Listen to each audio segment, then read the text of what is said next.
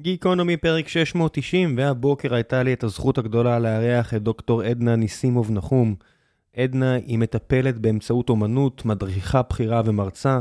היא הובילה את התוכנית לתואר שני בטיפול באמצעות אומנות במכללה האקדמית על שם דוד ילין בעבר. היא רכזת ומדריכה כיום בשלל מקומות, יש לה קליניקה פרטית.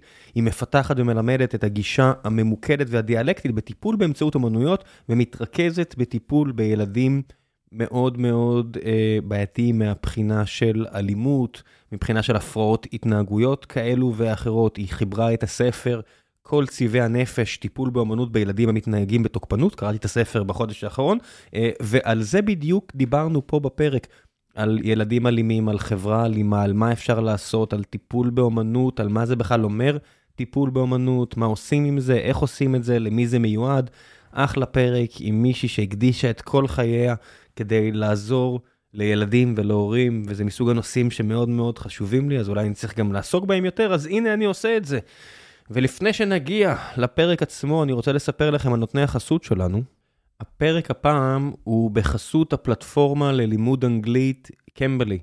קמבלי מחברת אתכם עם דוברי אנגלית שגם מכירים את התרבות הישראלית וידעו לגשר לכם על כל מיני פערים שנוצרו אצלכם, אם בגם מערכת החינוך ושלל סיבות אחרות, שקשורות לצורה שבה אתם מתקשרים באנגלית, מהדקדוק להגייה של מילים כאלה ואחרות, ונראה לי אפילו טעיתי במילה הגייה, זה בכלל אה, אירוני שאני עושה את זה, אבל זה מה שזה, וזה נורא חשוב לבנות ביטחון עצמי בכל הנוגע לשפות, ולרובנו אין אפשרות ואין עם מי לדבר אה, בשפה אחרת, אז מן הסתם אם אתם בבית מדברים בשפות אחרות עם הילדים, אז זה מאוד יעזור להם, ואם לא עשו את זה איתכם, או אין לכם דרך לעשות את זה עם מישהו אחר, אז בדיוק בשביל זה יש את קמבלי. אם תשתמשו בקוד הקופון גיקונומי 50G, תקבלו גם 50% הנחה, וזה מביא אתכם בסך הכל ל-17 שקלים לשיעור, ואני מאוד ממליץ על כל דרך שבה אתם יכולים לשפר את האנגלית שלכם, וזה לא משנה אם אתם צריכים את זה רק ל, אה, לעבודה שלכם, או אם אתם באקדמיה, או אם אתם עושים מבחן בינלאומי כמו הטופל, אם אתם רוצים ניגשים לאיזה MBA, שזה חלק מהסיפור. המלצה אישית, תיכנסו, תראו, זה לא מתאים לכולם, אבל אם זה מתאים לכם, אז זה מאוד יעזור. וזהו, שיהיה בהצלחה. ועכשיו, גיקונומי, פרק 690, מקווה שתהנו.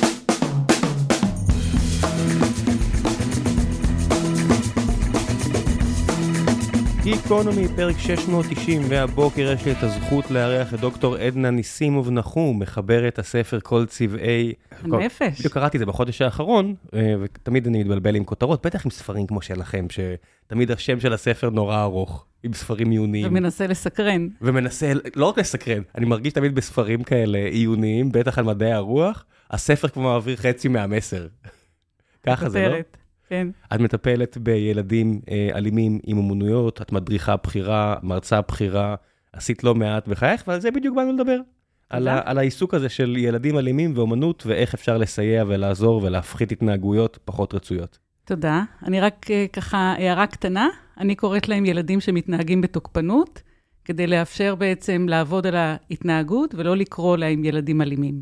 איפה עובר הקו בין... אה, תוקפנות, אה, נגיד, בריאה, לבין מקום שבו צריך באמת כבר ללכת אה, לטיפול. כי כל הורה חווה תסכולים, ואת יודעת את זה כמו שאני יודע, תמיד יש, אתה אף פעם לא יודע, כי המרחב מדגם הוא כל כך קטן.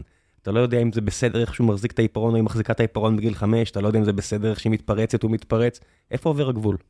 קודם כל, שאלה ממש ממש יפה ומאוד מאוד קשורה לעולמנו. אז בואו קודם כל נכיר בזה שיש בכולנו יצרים של תוקפנות, יש לנו את האפשרות לנתב אותם לכיוונים חיוביים ובריאים, שמניעים אותנו לפעולה ולהתקדמות, תחרות, הישגיות, אבל יש מקומות שהתוקפנות מתחילה להפוך בעצם לפגיעה בזולת או לפגיעה בעצמנו. ואם אני ככה חושבת על הורה שמתבונן על הילד שלו, אז כל עוד הוא באמת מטפח את היכולת של הילד להתמודד עם התוקפנות ולהסב אותה למקומות חיוביים, אז זה נפלא. במקום שהוא רואה שהוא לא מסוגל לעשות את זה, ואני סומכת על ההורים שיש להם את הכוח וגם את הרצון ואת היכולת לעזור לילדים שלהם להתמודד כמו שצריך כדי להסתגל למציאות. איפה זה מתערבב היום עם כל העובדה שילדים היום צורכים מסכים מגיל אה, שנה, שנתיים, והקשב שלהם ברצפה, ו- וכל הסביבה, כמו שאת כותבת גם בספר, ישראל מהמדינות האלימות, מקום 9 או 11, אני זוכר, כתבת על זה משהו בתחילת הספר, mm-hmm. כל מיני מדדים בינלאומיים לגבי אלימות של ילדים קטנים יותר. נכון. זאת אומרת, איפה זה מתערבב עם העובדה שפשוט הנורמה פה היא מאוד אלימה, זה לא יפן. נכון, נכון. אז קודם כל אנחנו צריכים כמבוגרים לקחת אחריות, להבין שיש השפעה לאמביוולנטיות שלנו כמדינה ביחס לתוקפנות, לאלימות, שאנחנו בעצם חושבים, הרבה, הרבה מאיתנו חושבים, שהאלימות שלנו כמדינה מוצדקת כלפי העמים האחרים, או כלפי מצבים מסוימים, לאומיים, חברתיים. מצד שני, כשמופנית כלפינו תוקפנות או אלימות, אנחנו רואים אותה בעצם כצורה שלילית של התנהגות. ולכן אנחנו צריכים לקחת אחריות ולהתבונן לאיזה סביבה אנחנו חושפים את הילדים שלנו. כן, אני מסתכל, אפילו אתמול הייתי באיזה תור למה שנקרא פה במרכז צמר גפן מתוק, או בבאר שבעית שערות סבתא, והיה, התור, אתה יודע, טיפה התעכב, כי היה שם קצת תקלות, ומיד, חצי קטטה בין שני אנשים, כן. שפשוט לא יכולים לעמוד יותר בתור. נכון, נכון. והילדים לידם, מן הסתם, כי אף מבוגר לא עומד בתור רבע שעה בשביל לקנות שערות סבתא. נכון, נכון. אז... ומה ילדים רואים? ברגע שילדים רואים אותנו המבוגרים מתנהגים בתוקפנות, בחוסר סובלנות, בחוסר תמיכה, בחוסר, בחוסר יכולת לווסת את היצרים שלנו, הם לומדים מזה. זה חלק ממה שילדים לומדים, זה להתנהג באלימות או בתוקפנות כתוצאה ממודלים שהם מתבוננים בהם. גם בתקשורת, גם בדרך מסכים וגם בהתנהגות uh, מול הפנים וגם בתוך המשפחה. באיזה גיל אפשר להתחיל uh, לתקנן את זה, זאת אומרת, אם, כמערכת, זאת אומרת, לא כהורים. מאיזה גיל באמת מטפלת או מטפל יכולים להתחיל להכניס משהו לנורמה כלשהי, להוריד בוא נגיד התנהגויות קיצוניות מלמעלה ומלמטה?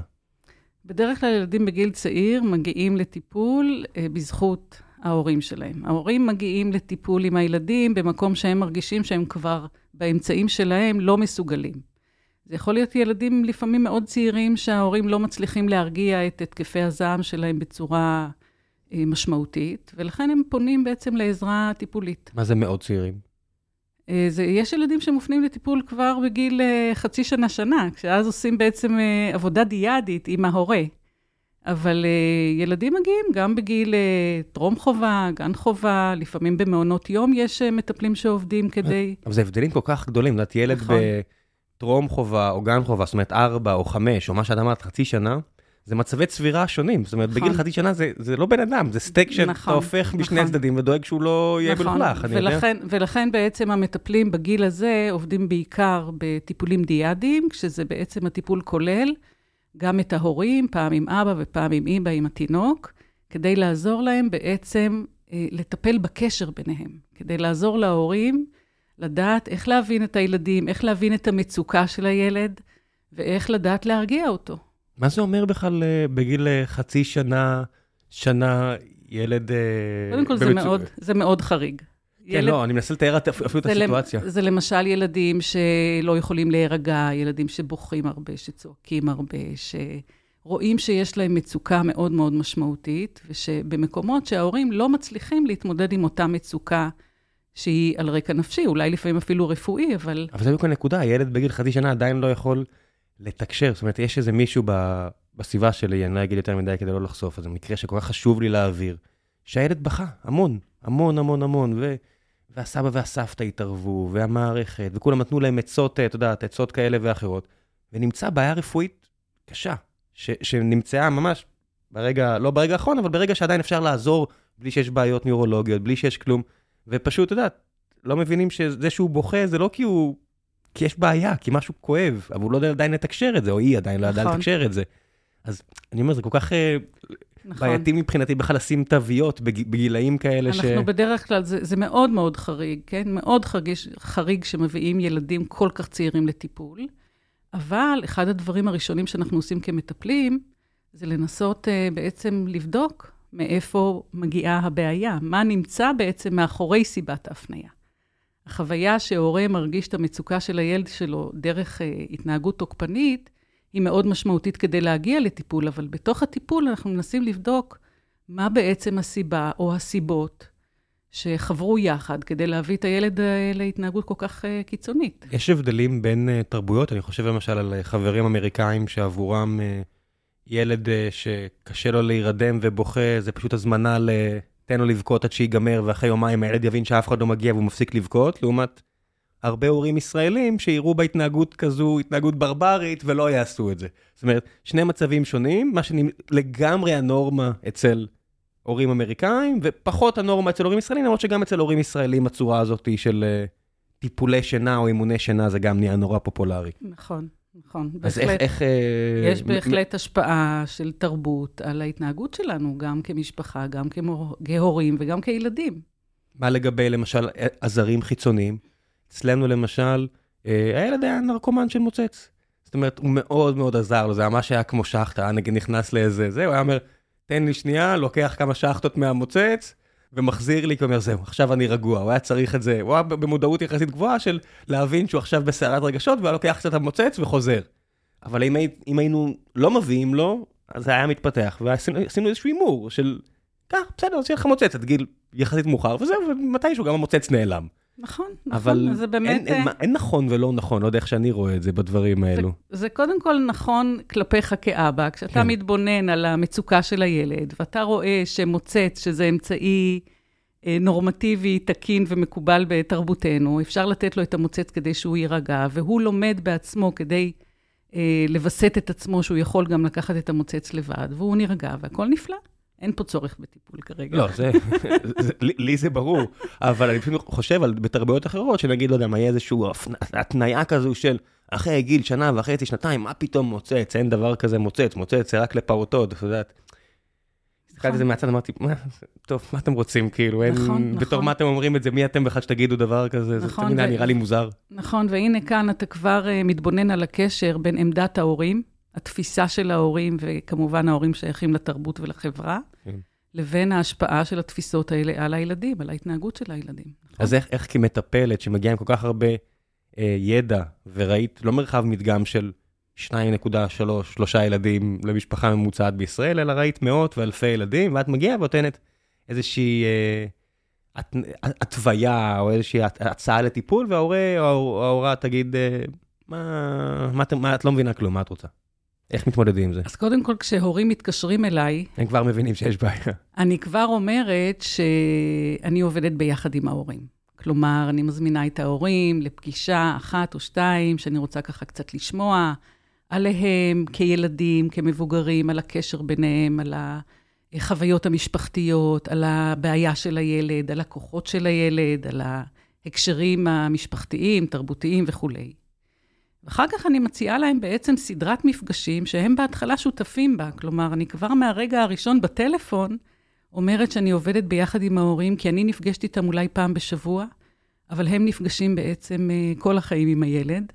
והכוונה שלי היא לעשות איזושהי עבודה משותפת גם איתם וגם עם הילד, כדי לעזור להם לעשות את השינוי כמה שיותר מהר וכמה שיותר יעיל. למה דווקא אומנות? מהבחינה הזו? וואו, קודם כל, אה, אני מרגישה שזכיתי בחיבור הזה של אה, להיכנס לעולם האומנות, יחד עם הכניסה לעולם הפסיכולוגי, והחיבורים ביניהם הם חיבורים מאוד מאוד אה, מעניינים, מסקרנים, עמוקים, רחבים. האומנות בעצם מאפשרת לכולנו, קודם כל ליהנות מיצירה.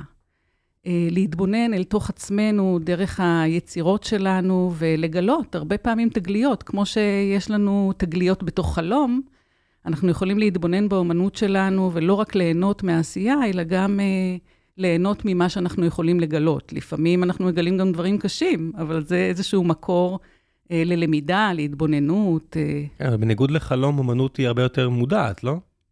חלק, חלק מיצירת האומנות הוא מודע, אבל הרבה מאוד תכנים בתוך האומנות הם לא מודעים. ודווקא הפערים האלה, בין המודע ללא מודע, הם מספקים לנו הרבה מאוד עבודה טיפולית. זה נראה לי הרבה יותר נכון לילדים. זאת אומרת, אם תתני למבוגר אה, או מבוגרת אה, לצייר, לפסל, ליצור מוזיקה, ליצור סרטים, המודעות והפחד מסביבה או הפחד מהשלכות וכל מיני כאלה, היא הרבה יותר משמעותי מאשר ילד שהרבה פעמים פשוט רץ עם האומנות שלו. אז קודם כל, באמת האומנות היא טבעית מאוד לילדים, הם עושים את זה ביומיום בצורה ככה נפוצה ושגרתית, וככל שמתחילה הביקורת על מה עשיתי ואיך עשיתי ומה יצא לי כאן וכמה אני מרוצה מזה וכמה לא, באמת הרמה המודעת עלולה להפריע. אבל יש אנשים שגם מעוניינים להבין את הרמה הלא מודעת שלהם, מה יש שם בתכנים הפנימיים שיכולים לספר לי ולגלות לי משהו על עצמי. ואיך זה מתחבר לצד הטכני. הרי בסופו של דבר אומנות, יש לה גם פן טכני. זה לא משנה אם תספרי אומנות מילד בן חמש שמוצא את הפרץ היצירתי שלו במגרש כדורגל, ויצא לי לראות גם את זה, ו... והמאמן ינסה לדכא את זה כי אין לו כוח עכשיו לדברים האלו, אה, או מישהי שמציירת, יש לי משפחה, מישהי שתהיה אמנית אני מניח, ו... ומישהו שמפסל, ומישהו שעושה דברים בלגו. Mm-hmm. זאת אומרת, והיצירתיות היא בלגו, אז איך... איפה הצד הטכני בא לביטוי? זאת אומרת, אם אתה לא מצליח לעשות משהו והתסכול שזה גורם, לעומת העובדה שאתה מוצא משהו שאתה חופשי בו יותר. אז קודם כל, בדרך כלל חדר הטיפול באומנות, הקליניקה או הסטודיו, יש קוראים לזה ככה או אחרת, אה, הוא מלא בשפע של חומרים. אה, יש את החומרים הרכים יותר, הצבעי מים, הגואש, אה, חמר וכדומה, ויש את החומרים הקשים יותר, שהם צבעים קשים, וחומרים יותר קשים. האפשרות בעצם גם ליצור אה, באומנות וגם ליצור בפיסול היא מאוד מאוד רחבה, וכל אחד בתוך חדר הטיפול בעצם, כל מטופל יכול לבחור, או שהמטפל יציע לו אה, איזה שהם חומרים שהוא חושב שכדאי שיעסוק בהם. אז יש איזושהי בחירה פנימית. עכשיו, נגיד שהמצייר רוצה לצייר אריה. והוא אומר, אני רוצה לצייר אריה, אבל יוצא לו משהו שהוא יותר דומה לשפנפן. או לחילופין, יוצא לו משהו שדומה יותר למפלצת. אם אני מזהה שפנפן זה כבר מגניב. לא יודע, כמי שנולד בלי יכולת לצייר קו וכנראה, את יודעת, מעץ גויאבות לא יוצא תפוחים, אז אני רואה גם אצל הילד את חוסר יכולת לצייר קו, אני אומר, שפן נשמע לי מדהים.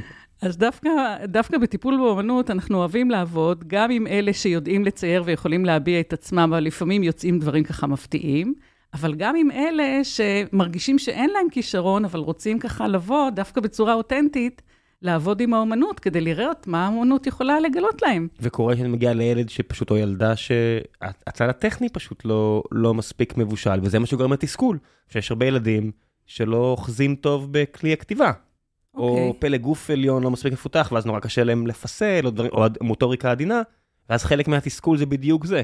נכון. אז, אז מה עושים? אז קודם כל אני מתמודדת, אני מנסה להציע אה, התבוננות על הקושי, אפשרות uh, לראות את זה, והאפשרות להציע איזה שהם אמצעים אחרים. אם קשה לילד להחזיק את, ה, את הצבע הפנדה, אז אולי אני אתן לו טוש, שככה, חוויה, כן. שיש שם יותר עוצמה. ומצד שני, אני אעזור לו גם להתגבר על התסכול.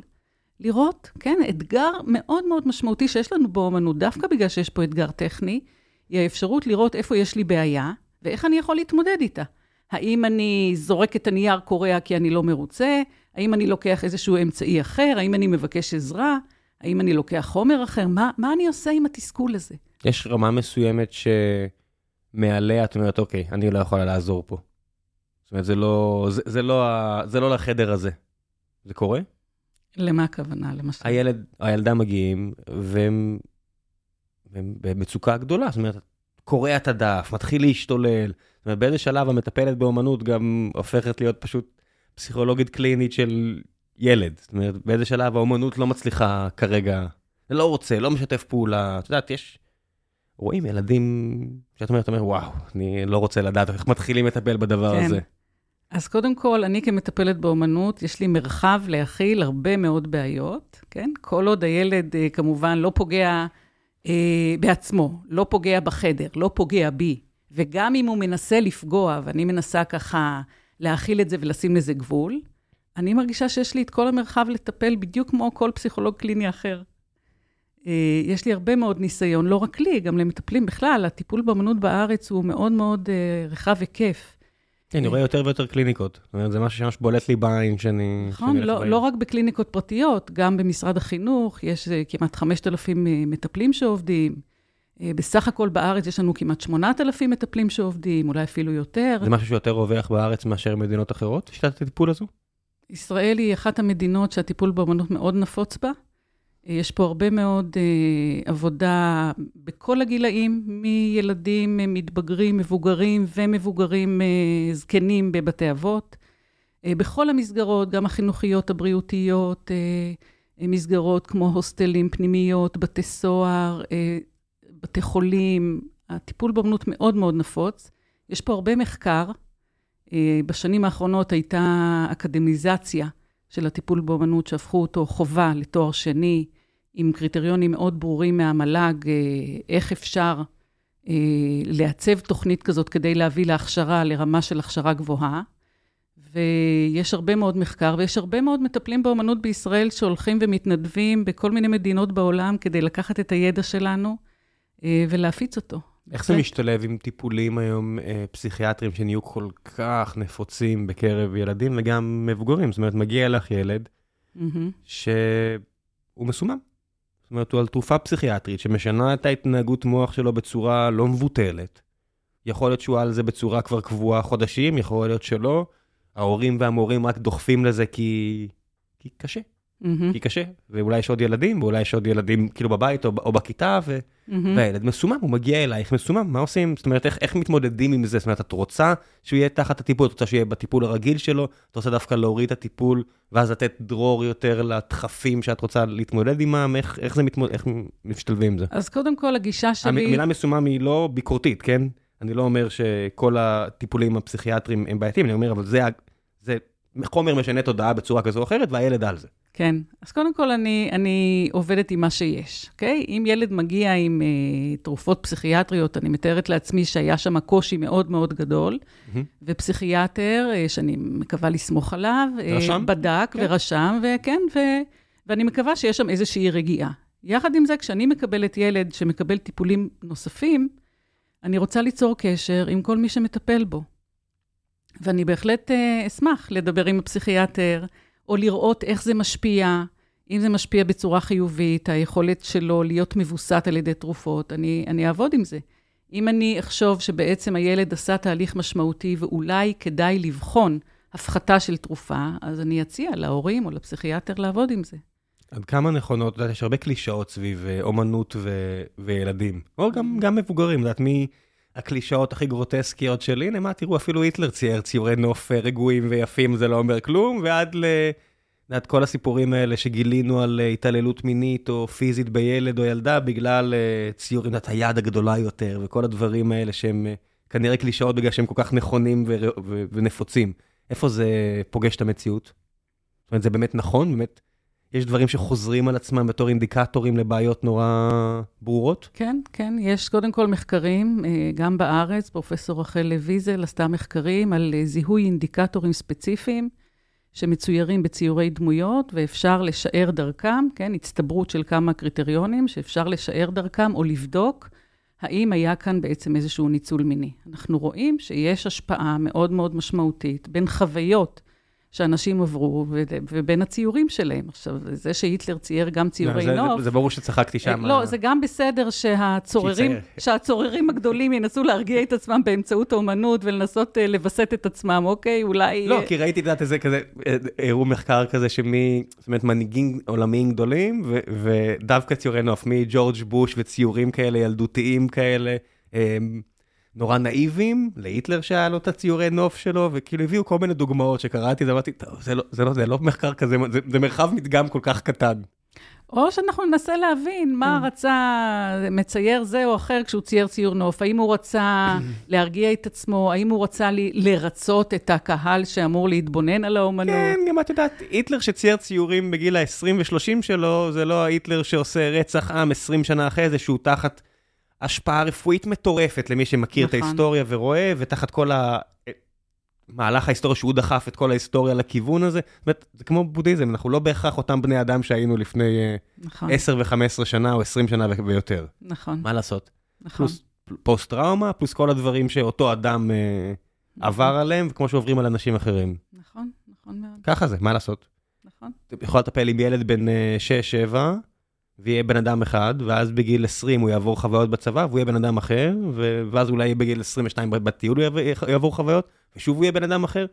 זה נכון, לביא. אנחנו רואים את זה בקליניקה לאורך שנים, מי שעובד בקליניקה פרטית לאורך שנים, הרבה פעמים מטופלים מגיעים אחרי כמה שנים שוב.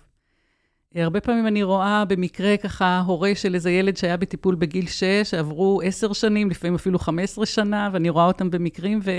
זוכרים את הטיפול, לפעמים אני מקבלת מכתבים אחרי הרבה מאוד שנים דרך המיילים מאנשים שהיו בטיפול, וזה בסדר גם לחזור לטיפול במקום שיש מצוקה, כי הילד, אם הוא כן. כבר מגיע לטיפול בגיל צעיר, הוא מבין, והוא נותן אמון, ויש שם איזשהו תהליך משמעותי שהוא מרגיש שהמטפל מבין אותו, ועוזר להורים שלו להבין אותו, ולא רק להבין אותו, גם להתמודד עם האתגרים שהוא מביא, אז זה משאיר איזושהי חוויה אה, טובה, ואני חושבת בכלל שכל אחד מאיתנו, טוב שיהנה מטיפול במקום שככה מישהו יכול אה, לעזור לו לדבר את עצמו, להבין את עצמו ולהתמודד עם האתגרים שלו. כן, בגדול זה עניין של אמון. את יודעת, אם, אם אתה מפתח אמון בן אדם אחר ואתה מרגיש בנוח, זה מאוד נחמד. Mm-hmm. לרוב האנשים פשוט אין מספיק אנשים uh, סביבם שיש בהם אמון. זאת אומרת, לרובנו אין מספיק חברים טובים, לרובנו אין מספיק אנשים בעבודה שסומכים עליהם, ומשפחה שסומכים... זה פשוט האמת, לצערי, נראה נכון, לי. נכון, נכון. ואז מטפלים, סוגרים איזושהי, אה, איזשהו ואקום. או מאפשרים למצבים כאלה, לא, לאנשים במצבים... פלוס הידע המקצועי, כן? נכון. אני, אני, לא, אני אומר, לפ, עוד לפני הידע המקצועי והעזרה המקצועית, יש פשוט אנשים שבאמת צריכים אנשים ש... להאמין בהם. זאת אומרת, נכון. אנשים שעברו חוויות נורא קשות עם המשפחה שלהם, יש בעיית אמון נורא קשה. נכון מאוד, נכון. מן הסתם, ואז מטפל יכול באמת לסייע עוד לפני הידע המקצועי, אני אומר, עוד, לא יודע אם זה פסיכולוגית קלינית, או מטפלת באומנות, או מטפלת במוזיקה, עוד לפני כל זה, פשוט סביבה בטוחה. נכון. זה מאוד חסר להרבה אנשים. כי הדבר העיקרי והראשוני בתוך טיפול הוא הקשר שנוצר בין המטפל למטופל. איך מתחילים? זאת אומרת, איך זה נראה... זאת אומרת, מגיע ילד או ילדה, זה בטח לרוב, לרוב בנים, נכון?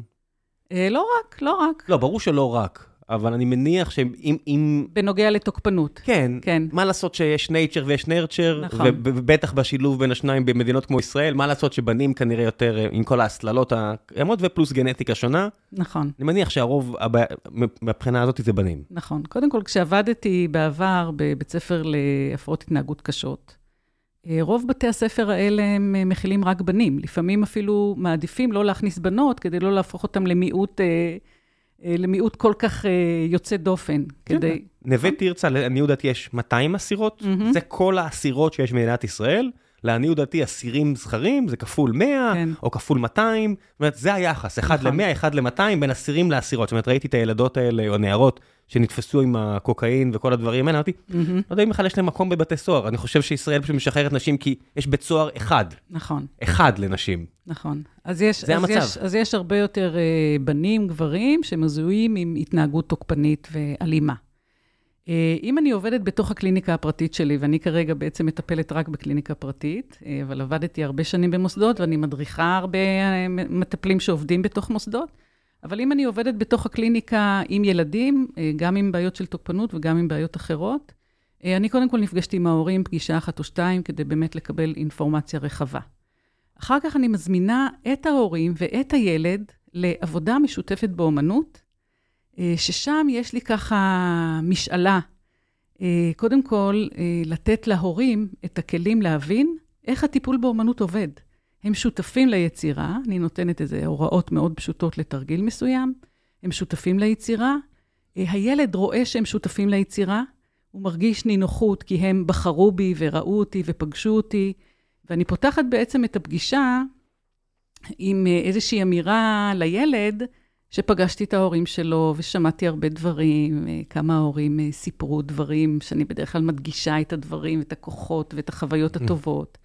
ויחד עם זה הם גם סיפרו לי שלפעמים קשה לך כשאתה כועס, או כן, איזושהי בעיה שאני מאתרת בעצם כסיבת ההפניה, ואני עוזרת לילד בצורה מאוד פשוטה להבין שכאן, בתוך החדר, אני יודעת את הדברים, לא צריך להתבייש ולא צריך להסתיר, ואנחנו פה בעצם כדי לטפל באמצעות האומנות בחוויות הפנימיות האלה והמשפחתיות. ואז נותנים לילד פשוט לבחור, זאת אומרת, הוא מסתובב בחדר בקליניקה ובוחר מה הכי נאה בעיניו מבחינת uh, ליצור? אז בפגישות הראשונות אני נותנת איזשהו תרגיל, שהוא גם עוזר לי להבין מעבר למילים שנאמרו בפגישות עם ההורים, אני, זה עוזר לי להבין את הדינמיקה הפנימית, ופה אני כבר מתחילה אה, להתבונן על המציאות הגלויה המדוברת, לבין מה מספר לי הציור, אה, שאולי ההורים לא היו מודעים לזה, או לא שמו לב לזה, או אולי דיברו על זה במילים, והנה אני רואה פה גם איזושהי הוכחה במרכאות, בחוויה הציורית שלהם, בחוויה הסימבולית שהם יוצרים ביחד. אז יש לי איזשהו תרגיל מובנה, שאני גם מפורסם בספר, למי שמעוניין אה, בפרק 5, mm-hmm. אה, כדי, כדי לתת להם איזשהו בסיס לעשות אומנות, אה, לצייר וגם לספר סיפור, ודרך זה אנחנו ככה מזהים, מזהים את הבעיות. אז להורים יש את ההזדמנות להיות שותפים בהבנה, זה לא קסם, זה פשוט תהליכים שקורים ואפשר להבין אותם ולנתח אותם אחר כך ביחד. היי hey, חבר'ה, לפני שנחזור לפרק הזה עם עדנה, אני רוצה לספר לכם הנותני החסות הנוספים שלנו, והפעם זו חברת הפניקס, עם ביטוח לחו"ל, הפניקס סמארט טראבל. מה זה סמארט טראבל? זה הדור הבא של ביטוחי נסיעות לחו"ל, אפליקציית ביטוח הנסיעות לחו"ל היחידה שתאפשר לכם לתאם באמצעותה ביקור אצל רופא זמין בקרבת מקום, במרפאה או במלון בלחיצת כפתור, ולא תצטרכו להתעסק עם התשלום. אני פעם הייתי יותר שאנן לגבי הדברים האלה, מאז שיש ילדים מעורבים, זה מן הסתם הרבה יותר חשוב ונוכח, אז אם יוצא שאתם טסים עם המשפחה שלכם, תעשו ביטוח, ואני ממליץ לכם על הפניקס. דיברתי איתם, עשיתי באמצעותם ביטוח, הייתה לי חוויה מאוד מוצלחת, אז אני מרגיש בנוח לספר לכם עליה. אני אשאיר לכם את הדף שלהם, תראו, תבחנו, תשוו מחירים, תראו אם מתאים לכם, ושיהיה בהצלחה ותהנו, ותק... ואני מקווה שאף פעם לא תצטרכו להפעיל את הביטוח. ביטוח הכי טוב שלא מפעילים אותו אף פעם. ועכשיו, גיקונומי, 690, חוזרים לפרק, מקווה שאתם נהנים. יש איזשהו מנעד על רמת האבסטרקציה? זאת אומרת, ילד שהרבה יותר אה, ריאליסטי באמנות שלו, לעומת ילד שהוא הרבה יותר אבסטרקטי ודמיוני, וכאלה, ואז להתאים את הטיפול בהתאם לנטיות האלו? כן, אז קודם כל, אה, בציור יש רמות התפתחות שונות לפי גילאים. מה שיכול לצייר ילד בן שלוש, כן, בעיקר אה, שרבוטים, או מקסימום עיגולים וצורות, אה, זה שונה מילדים בוגרים יותר, שמתחילים לצייר איזושהי סכמה של דמות, כן? הם מגלים בעצם תוך כדי השרבוט את היכולת שלהם לשלוט בצורה ולעצב את מה שמצויר לפי מה שהם בוחרים. אה, ככל שהגיל אה, גדל, כן? ככל שהילד גדל יותר, אז יש לו יותר יכולת לשלוט בצורה ולצייר את מה שהוא בוחר. יש ילדים שמציירים באמת בצורה ריאליסטית יותר, כן? זה בגילאים כבר היותר גדולים, 8, 9, 10 והלאה. ויש ילדים שבוחרים במופשט. אנחנו נתייחס גם לציורים ריאליסטיים וגם לציורים מופשטים בצורה מלאה, הכל אפשרי. באומנות כן. הכל אפשרי. איך מדמיין, את יודעת, איזה, כזה, איזה פולה כזה, או לא יודע מה, פיקאסו, בגילאים כאלה, שאת יודעת, עם כישרון טבעי מתפרץ, מישהו היה מסתכל עליהם, מה היה חושב על אה, כזה, את יודעת, גאוני אומנות כאלה מהמאה ה-20. אה. כן.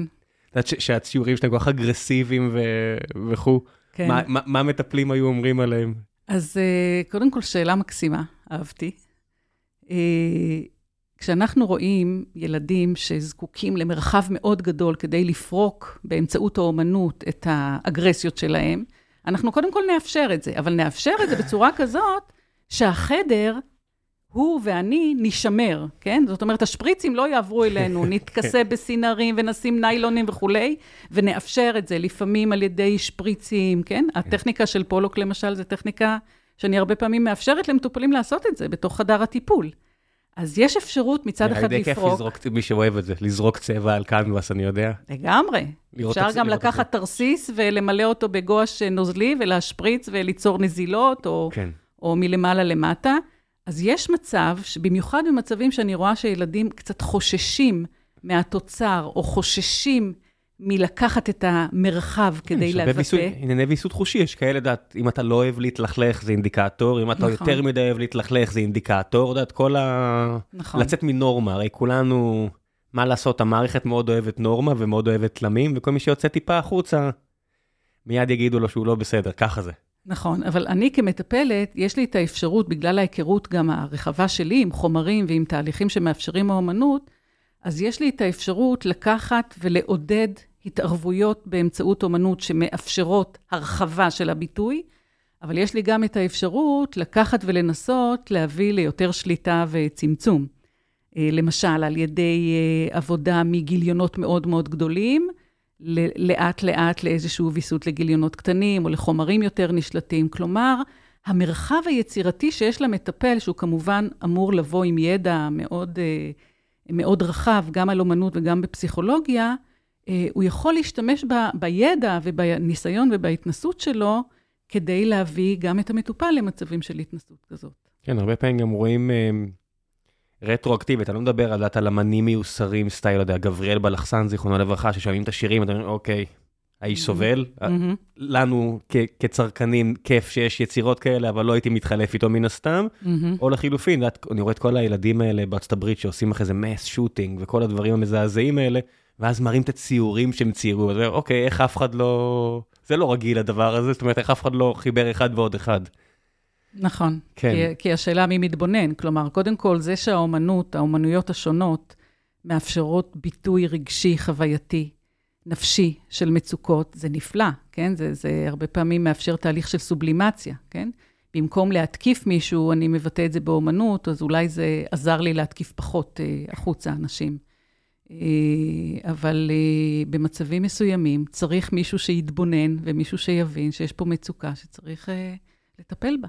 איך מתמודדים עם המקרים הממש קשים? את יודעת, אני לא מטפל. לי תמיד יש את היכולת להפוך לקוף פרימיטיבי ולהגיד, זה- יש אנשים שפשוט יצאו מקולקלים מהתנור, ו- והחברה, אין, אין מה לעשות עם האנשים האלה. זאת אומרת, יש... נאהב את זה או לא, יש מפלצות. אז אני... מה לעשות, בהתפלגות הנורמלית אה, לשמאל וימין, יש כאלה שהם 4-5 סטיות תקן ממה זה נורמה, ואני אומר, כמה מתסכל זה הרבה פעמים, לא יודע, לפגוש ולא להצליח, אני מניח. או שאין דבר כזה. קודם כל, אה, אני באה עם הרבה מאוד סקרנות ועם הרבה מאוד תקווה לעזור לאנשים להתמודד עם דברים שהם רוצים ומעוניינים להתמודד איתם. אז אני מחזיקה הרבה מאוד בתוכי את התקווה. אה, אני מאמינה שכל אחד יכול לעשות שינוי אם הוא באמת רוצה, כן? אם הוא לא רוצה לעשות את השינוי, אז אין טעם בעצם בטיפול. אז יש פה בעצם עבודה עם המוטיבציה לעשות שינוי.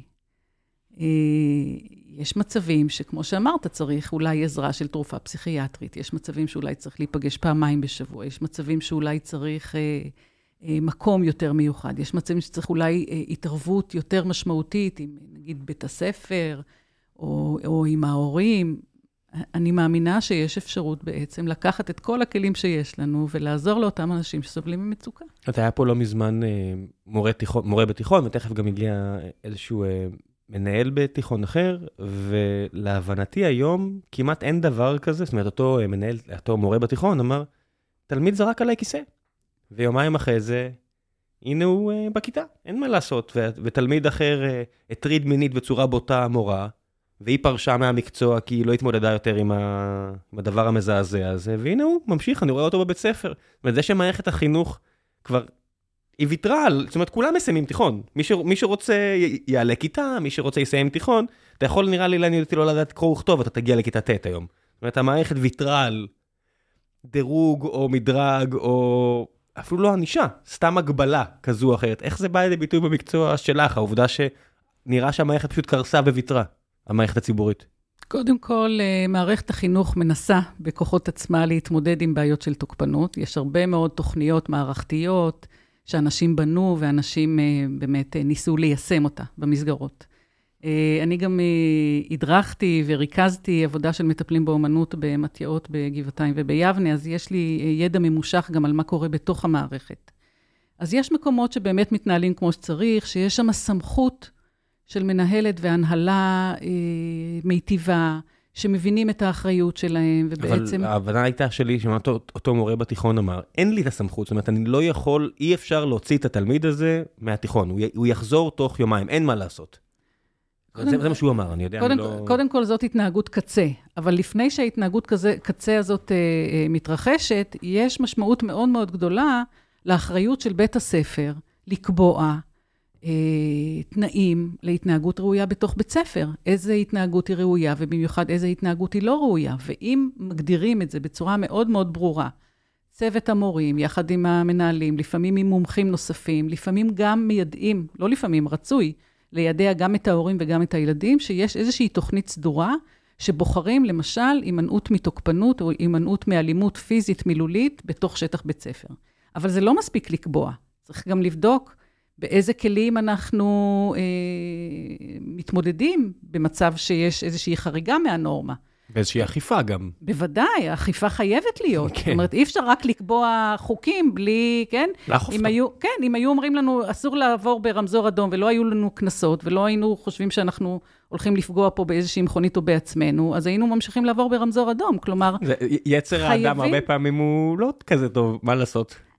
קלקלו אותו. לא, אני, אני רואה למשל חברים שחזרו מארצות הברית עם הילדים שלהם, והם אומרים, טוב, אני, אני, ארצות הברית זה גם מקום גדול מדי כדי להתייחס באופן כללי, אז אני אומר, צפון קליפורניה, האזור הכי, הכי עשיר בעולם, הכי, תקראו לזה woke, ליברלי, whatever, ושם אין אלימות. זאת אומרת, אתה אלים, אתה מקבל כרטיס צהוב שכולם יודעים עליו, יביישו אותך, ו- ואין את הבעיה הזו כמעט. נכון. כמעט, זאת אומרת, זה מצחיק, אני אומר את זה שוב, נדבר לבתי ספר מאוד ספציפיים, פאלו אלטו איסט, בירת הרצח של ארצות הברית לפר, לפרקים, לא, אני מדבר על האזורים הספציפיים שכולם מבינים על איזה בתי ספר אני מדבר, חזרו ארצה ילדים, היו באלימות תוך שבוע. זאת אומרת, שמעתי, אמרתי, לא, זה מדהים, תוך נכון. שבוע כבר היו מקרי נכון, אלימות. כי הם, הם כבר קראו את הסביבה, והם התאימו את עצמם לסביבה. תוך שבוע. כלומר, כלומר, כלומר, אחריות מאוד מאוד גדולה נמצאת על המבוגרים בחברה שלנו, בין, בין השאר מורים ומנהלים, וגם הורים, כדי לווסת את התוקפנות הזאת. כן, ואותו ילד, כן, אותו ילדה, כן? יכולה להיות 4, 5, 6 שנים בארצות הברית, אפס אלימות, מגיעה תוך שבוע אלימות ב- ב- בישראל. כן, כואב הלב. כן. אבל אולי מלמד אותנו אה, ללמוד כמה דברים טובים, גם מארצות הברית. מה, מה זה אולי? זאת אומרת, אני, אני מסתכל על הדבר הזה, אני חושב שזה הדבר שהכי כואב נכון. למי שיש ילדים. זאת אומרת, בפערים בין ישראל לארצות הברית, זה שאני יכול לרכוש מכונית מוצלחת יותר, כי יש פה מס נורא גבוה. אוקיי, אז אני אסע על אוטו משומש. הפערים בחינוך, זה, במערכת החינוך, זה, זה, זה מגיע מכל דבר. זאת אומרת, נכון. מההתייחסות לקינים. ההתייחסות למחלות, ההתייחסות לאלימות, חומר לימוד. זאת אומרת, אני, אני, אנשים- אנשים אומרים על בתי ספר שזה בייביסיטר.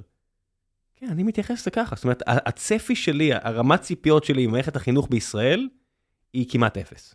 זאת אומרת, אני מניח שכל מה שהוא לא ילמד במקומות אחרים, הוא לא... שלא לדבר על התנהגות וערכים. זאת אומרת, הצפי שלי הוא ממש אפס. כן, הורדת את הציפיות. אפס, אפס. אני לא אומר שזה משהו שיידרדר, אני אומר על מהמם. עצמי, ואני בן 40. כן. זאת אומרת, אני לא אומר כן. שזה משהו חדש. אני אומר, אני זוכר מה היה אז, אני מבין שזה לא השתפר או אפילו נהיה גרוע יותר, או נגיד השתפר, אבל לא ביחס ל- לכמה שהעולם התקדם, והמערכת ציפיות שלי היא אפס. מה שאני לא יעזור, מה שאני לא אעשה, מה שהוא לא ילמד לבד, לא יהיה. קודם כל, יש משמעות גדולה מאוד למה שנותנת המשפחה לילדים. אבל אני, בוודאי, אני, אבל- אני, אני הייתי בתוך המערכת, ואני חושבת שיש אה, מסגרות מאוד מאוד טובות, מיטיבות, שמצד אחד לוקחות אחריות לשים גבול למצבים של תוקפנות, ומצד שני, זה לא מספיק רק לשים גבול. הדבר המשמעותי שצריך לתת לילדים זה תחושה שמבינים אותם, שמטפלים במצוקות שלהם, שרואים אותם, שיוצרים איתם קשר משמעותי. ויש הרבה מאוד מסגרות שעשו התערבויות מהסוג הזה. כן, את מדברת גם אבל על המקרה קצה. אני יודע שמקרה קצה, למשל, הורים שיש להם ילדים על הספקטרום וכל מיני כאלה, כיתות תקשור, ומ- או, אה, מלווים משלבים וכל מיני דברים מהמם. כאלה, זה מדהים. זאת אומרת, כן. ואז הילד באמת מקבל, לא שאני מקנא מהבחינה הזאת, כי זה עולם שלם של אתגרים, אבל מהמם. במצבי הקצה אני יודע שהמערכת כן. אני אומר, סתם על הילדים הרגילים במרכאות, הם לא עניין. זאת אומרת, אין...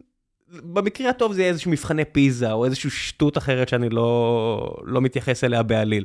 הילדים הרגילים, אין באמת... אה, הכל, את יודעת, זה גן חיות קטן. גם- הילדים שמגיעים אלייך, אני יודע שיש מהמם. מעטפת גדולה. זאת אומרת, אני מסתכל כן. על התקציב של מערכת כן. החינוך, אני יודע שיש הרבה, באופן לא נכון. פרופורציונלי, לילדים שסובלים מאתגרים כאלה או אחרים. נכון. של זה ילדי, ברור לי. ילדי החינוך המיוחד. כן, ברור לי שיש, את יודעת, מהסעות, ומערכת תומכת, וכל הדברים האלה, וזה מגניב, כסוציאליסט איפשהו. אני מאוד רוצה שמי ש... שיש לו הרבה יותר אתגרים, שיעזרו לו. אני אומר, אבל הילדים הרגילים, במרכאות, כן. שאין אתגרים מיוחדים, אין, אין כלום, אין כלום כמעט. אני, אני מקווה שאנחנו נשפר את זה. אני חושב- כן, אני חושבת שעיריית תל אביב משקיעה יותר מאשר אולי אני, בפריפריה. אני, אני בתל אביב, זאת אומרת, גדלתי כן. בבאר שבע ואני בתל אביב, וציפיתי, זאת אומרת, השבר שלי היה כי ציפיתי להרבה יותר, ואז... התאכזבת. לא, כן, מהר מאוד הבנתי, כן. זה דרק. זאת אומרת, בטח שיש לי את היכולת להשוות למקום כמו צפון קליפורניה, מקומות כאלה. מה זה, זה, זה, זה, דרק. זאת אומרת, עד שלא נרים את היד ונוריד את הראש ונגיד לפחות, נצביע על זה ונגיד, תקשיבו, מהמם. זה דרק, ולא ננסה להגיד, מה, אבל יש פה הייטק, מה, יש פה זה, תראו איזה יופי. אמרתי, לא, זה, זה למרות, זה לא בזכות. תכירו בזה שיש דברים אחרים, כן. זה לא... כן, תראה, מערכת החינוך היא בסופו של דבר גם משקפת את החברה שאנחנו חיים בה. בוודאי. זה- היא לא זה- מנותקת. מה זה, מה זה משקף? זה, אם, אם אתה נמצא במערכת כלשהי 15 שנה, אז מן הסתם יש, יש בזה חלק לא מבוטל מהאופי שלך, אין, אה, מהמם. או האופי שלך, אין, אין נכון. לברוח מזה. ומצד שני, יש כאן אה, מקום לילדים להסתגל למצבים. כן, זה, זה מורכבים. ישראל, לא, זה ישראל. נכון? לפוד- מצבי הישרדות, ב- כן. עזבי מצבי הישרדות, זה העם. זאת אומרת, מהמם. זה האנשים. אתה לא תרצה לד- לדעת להסתדר עם אנשים, יהיה לך בעיה, כי אתה גר כאן. נכון. אין פה gated אתה צריך communities. לפתח יצירתיות כדי להתמודד עם אותם אתגרים. ולהתמודד, פשוט לדעת שזה מה יש. את, אין מה לדמיין עולם אה, אחר, כי נכון. אין את העולם האחר, אז זה העולם שקיים. זאת אומרת, זה היתרון הכי גדול שאני רואה במערכת החינוך, זה פשוט, זה, זה טירונות לישראל. נכון, נכון. מצד שני, יש עדיין אנשי מקצוע טובים, שמתאימים את הידע שהם נותנים לילדים, אני מדבר על המערכת, ו... לא... כן. מדבר על המערכת, לא על, ה... כן. על האנשי מקצוע. מגבילים אותם, אומרים להם מה ללמד, החומרי לימוד הם פוליטיים, זאת אומרת, בהתאם לרוח הפוליטית והאינדוקרינציה הזו או אחרת, ואני אומר, נכון. פאקר, אז מה אתם מדברים איתי, כאילו, השטויות האלה בזמן שזורקים כיסא וכולם, זור... וכולם זורמים עם זה, או שכולם במסכים שלהם ופשוט כולם ויתרו. פשוט תשאלו, מה, מה הילד למד? מה אתם, מה אתם מלמדים אותם? כאילו, מה... כן. תס, תסתכלו על המערכת, היא לא, היא לא נראית טוב. Mm-hmm. מה אפשר בכל זאת לעשות שכמי שהיית רוצה לראות יותר, למשל, שבירה של הפרדיגמות, יותר uh, דברים מחוץ למערכת הלימוד מה-19 הזו שאנחנו עדיין נמצאים בה? זאת אומרת, היית רוצה לראות שינוי יותר משמעותי של מערכת החינוך? אני הייתי רוצה לראות שינוי מאוד מאוד פשוט. מצד אחד, בהירות מאוד מאוד uh, גדולה של uh, הציפיות שלנו כמבוגרים מהילדים בנושאים של התנהגות. מה מותר, מה אסור, צריך להיות מאוד מאוד ברור למורים, לילדים ולהורים, ומה עושים כשיש איזושהי שבירה והפרה של הנורמות, אבל יחד עם זה, זה לא מספיק. צריך לתת לילדים הרבה מאוד מרחב של יצירה, של סקרנות, של התאמת חומר לימודי למצב הרגשי והנפשי, ולא רק הלימודי והחינוכי. ואני חושבת שיש מקומות, כן, אני באמת ראיתי יותר את החינוך המיוחד, אבל יש הרבה מאוד מקומות של שילובים מעניינים בתחום הזה. ואם אפשר ככה לייחל, לייחל כן. לשינוי, לא, אז זמן, תספרי, כן. כן, זה השינוי שהייתי רוצה לראות. הייתי רוצה לראות uh, חזרה להרבה מאוד עבודה יצירתית, כן? לאט-לאט במשך השנים במשרד החינוך uh, ירדו קצת מלמשל uh, שיעורי אומנות, שיעורי מוזיקה, תנועה, דרמה, uh, כל מה שקשור ליצירה. Uh, זה מרחב שילדים מאוד מאוד זקוקים לו כדי... Uh, לגלות את עצמם, כדי להמציא את הידע שלהם, כדי uh, להשפיע על החברה בצורה טובה. Uh, הייתי רוצה לראות קשרים משמעותיים. ודרך אגב, הרבה מאוד ילדים בתוך כיתה, מבנים צפופים, זה מפריע ליצירת הקשרים, אבל אם למורה או למורה יש יכולת ליצור קשר משמעותי עם ילדים, לראות אותם, להתעניין בהם, לתת להם מקום לספר, לתת להם מקום uh, גם לגלות את הכוחות ולהתפעל ממה שיש, אבל גם להביא את המצוקות אה, כדי אה, לנסות לראות איך אפשר לסייע להם. זה מאוד מאוד משמעותי. מה את אומרת? את מעבירה גם הדרכות רק להורים? זאת אומרת, הרי יש שלושה, שלוש קטגוריות. יש מטפלת עם ילד, מטפלת עם ילד והורה, מטפלת עם הורה. Mm-hmm. זאת אומרת, את מאמינה בכל השלוש? אני בוחרת, כן, אני בוחרת מתי, כן, צריך, קודם כל צריך איזושהי הכשרה, כן, לכל ההתערבויות האלה. לא, אני ברור שאני מדבר פה, יש, כן, יש לי קצת בעיה עם הזילות של כן, מומחים היום, שכל כן. אחד היום מעביר אה, קורסים, אבל כן. זה נושא אחר. אבל זה, לא, אבל זה דווקא מאוד מאוד משמעותי על טיפול באומנות. בטיפול באומנות יש היום הסדרה של המל"ג, מאז 2018, שמאוד מאוד ברור אה, איזה תוכנית יכולה לקבל הרשאה להכשיר מטפלים באומנויות? זאת אומרת שיש אה, פיקוח, אני גם יושבת בוועדות של המל"ג כדי להתבונן על תוכניות קיימות שמתחילות לפעול. אה, איזה נושאים, כמה שעות, כמה שעות הכשרה קלינית. אה, יש ממש פיקוח מאוד מאוד הדוק של המל"ג. זה איזשהו ניסיון להביא לאקדמיזציה ולהביא למחקר ולפיתוח המקצוע, וכמו שאמרתי, זה מאוד מאוד מפותח בישראל. אה, כל שאר התוכניות שהן לא מוכרות למל"ג, אה, יש פה בעיה בחוק שעדיין בעצם לא מוסד בישראל. שמה? אין עדיין חוק לטיפול באומנות שמגדיר בעצם, אה, כן, יש פה מאבק רב שנים, כ-18 שנים, לנסות להביא לחקיקה בכנסת מי הוא מטפל באומנות ומי הוא לא. זאת אומרת, שיהיה ממש פנקס כזה, כמו שיש פסיכולוגים, או אדריכלים, או כן, לא יודע מה, כן. שמי שלא בפנקס, אין לו בעצם את היכולת להגיד, נכון. אני מטפל באומנות. נכון, נכון. זה הנקודה, נכון? זו נקודה מאוד מאוד משמעותית. כן? יש ארגון של המטפלים שנקרא יה"ת, והוא מנסה במשך שנים, גם באמצעות המועצה העליונה של המקצוע, אה, למסד את, ה, למסד את החוק, וזה לא, לא כל כך פשוט, יש הרבה מאוד התנגדויות ויש הרבה מאוד קשיים. מי, ספרי לי קצת על הסבך הפוליטי-בירוקרטי, זאת אומרת, אתה יודע, הטרמינולוגיה תמיד נכונה, זה כמו שמיץ שקדים זה לא חלב שקדים, כי מועצת החלב לא רוצה שיקראו לזה חלב שקדים, זאת אומרת, מי הכוחות הפועלים פה? אה, אני לא יודעת אם אני כל כך רוצה להיכנס לעניין okay. אוקיי. הפוליטי, אבל יש ככה איזה שהם חילוקי דעות בין הגישה אה, של אולי העולם הדתי, שבעצם רוצה לתת, לתת תעודה, לימודי תעודה לאנשים שלא יכולים להיכנס לאקדמיה עקב אמונות דתיות. הפרדה מגדרית. כן.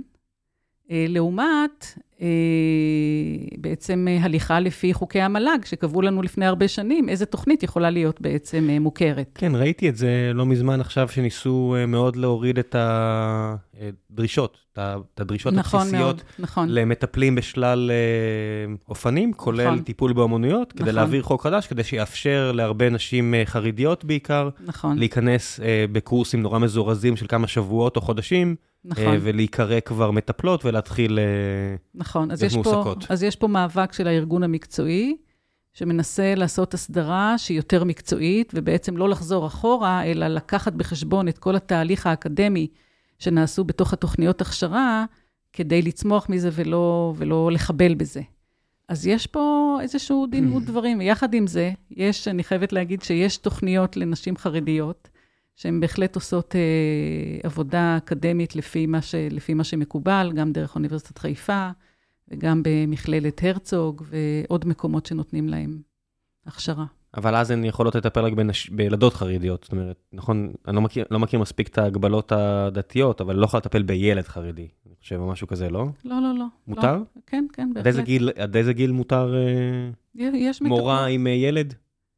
אה, אני לא מצויה עד כדי כך, אבל לא, יש לך לי... לך לא היה ילדים חרדים שהגיעו, נכון? נכון, אני לא עבדתי עם אוכלוסייה, כן, עבדתי עם באוכלוסייה דתית בפנימייה של בנות, אבל יש בדיוק, לי, יש לי כרגע... בדיוק, ילד חרדי לא יכול להגיע יש אלייך. יש לי כרגע מת, אה, מודרכות שעובדות במגזר החרדי, ולא שמעתי על בעיות כאלה של אה, הגבלה האם אישה, יכול, האם אישה מטפלת יכולה או לא יכולה לעבוד עם בנים? החל מגיל מסוים אני מניח שיש, כי יש הפרדה מגדרית, שיש. מה הכוונה זה, אז אני מניח מגיל 16 כבר בטוח, אז מגיל 6, אני לא יודע מאיזה גיל, זאת אומרת, כל הדברים האלה מהצד נראים לי תמיד, אה, יודעת, שאתה מכסה ילדה בת שמונה, אני תמיד חושב מחשבות, אה, זה לא איראן פה, אבל אני לא מבין את הדקויות. כן. אה, זאת אומרת, מי שיש לו עוררות מינית מילדה בת שמונה, אולי הוא צריך להיבדק ולא הילדה נכון, בת שמונה, אבל... נכון אה, מאוד. זאת אומרת, לא אולי, אני אהיה יותר ברור, לא אולי, לדעתי. בהחלט. אה, זה כבר בעיה שלהם, אבל... את כל אחד וה, והסט ערכים שלו, זה פשוט נראה לי תמוה מאוד, הדברים האלה. כן. בטח בחברה שראינו לאחרונה, שבחברה הדתית-חרדית יש אה, אחוז ניכר יותר של אה, פגיעות מיניות ביחס נכון. לייצוג באוכלוסייה. נכון. זאת אומרת, יש פה בעיה שהולכת נכון. להתפוצץ לכולם הפנים. אבל יחד עם זה, אני שמעתי שיש היום הרבה מאוד אה, דווקא גברים וגם נשים במגזר החרדי שרוצים ללמוד בטח. מקצועות טיפול כדי לטפל בבעיות האלה. וגם להתפרנס. עזבי, זה גם, בוודאי, יש לך הרבה אנשים של, שרוצים לעבוד עם אנשים אחרים וגם להתפרנס נכון, על הדרך. נכון. ברור, נראה לי הכי טבעי בעולם. נכון, נכון מאוד. ויש חשיבות שמטפל או מטפלת חרדית יעבדו בתוך, עם האוכלוסייה בוודאי, הזאת. בוודאי, זה, זה כמו שאמרנו על, על הפערי נכון, תרבות. נכון, אני, נכון. את לא יכולה לטפל, לא יודע מה, בהולנדים שיש להם תרבות שונה מאוד משלך. נכון. כי, כי זו תרבות נורא שונה. נכון. עצורה יותר וכו' וכו' וכו'. נכון, מה... עכשיו תראה, ישראל היא מדינה רב-תרבותית. למשל, אחד הקורסים של מטפלים באומנויות שעושים הכשרה, זה אחד הקורסי חובה, זה קורס בחוויה רב-תרבותית, בטיפול ב... התחשב בסוגיות רב-תרבותיות. מה, אוכלוסייה אתיופית, ערבית? כן, כן, כן, בהחלט. כן, אני מניח שזו תרבות אה, ממש אה, יכולה ממש להיות שונה, ו... נכון. אוכלוסיות מן הסתם שצריכות את זה לא פחות מאשר נכון. אוכלוסיות אחרות. והמטפל חייב שתהיה לו מודעות לשונות התרבותית הזאת, כדי לקחת אותה בחשבון בתוך הטיפול. וכמה זה נוכח באקדמיה עצמה? זאת אומרת, כמה מהשיעורים זה, הנה בואו תראו, יש קהילות אחרות, יש אוכלוסיות אחרות. אז יש באקדמיה שיעורים תיאורטיים, כן? ש- שמביאים את הידע, את המחקרים ואת הניסיון רב השנים של העולם האקדמי, אבל בתוך כל uh, תוכנית הכשרה יש uh, דגש מאוד גדול על הדרכה קלינית.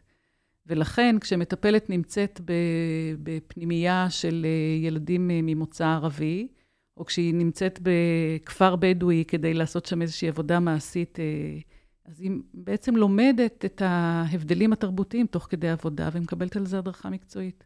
כן, אין, אפשר לקרוא כמה ספרים שרוצים, בסוף אתה צריך uh, לפגוש בני אדם, ובני אדם זה, זה מיוחד mm-hmm. מהבחינה הזו. בוא נעשה קצת שאלות שחיכו לך פה. אה, אלעד תמיר שואל, משמעות הקהילה, הוא רוצה לשמוע על משמעות הקהילה בהתמודדות עם ילדים אלימים, קהילת בית הספר, הקהילה באזור המגורים, והוא מקווה שתתייחסי גם לאלימות מילולית, ולא רק לאלימות פיזית, זאת אומרת, אלימות מילולית הוא רושם בקטנה, ולא רק לאלימות פיזית קיצונית. אז קודם כל, אני מאמינה שיש דגש, וחייב להיות דגש מאוד מאוד משמעותי, בנוכחות של הקהילה, לא משנה אם זה בית הספר או קהילה אחרת, בהתמודדות עם בעיות של תוקפנות אה, בקרב ילדים.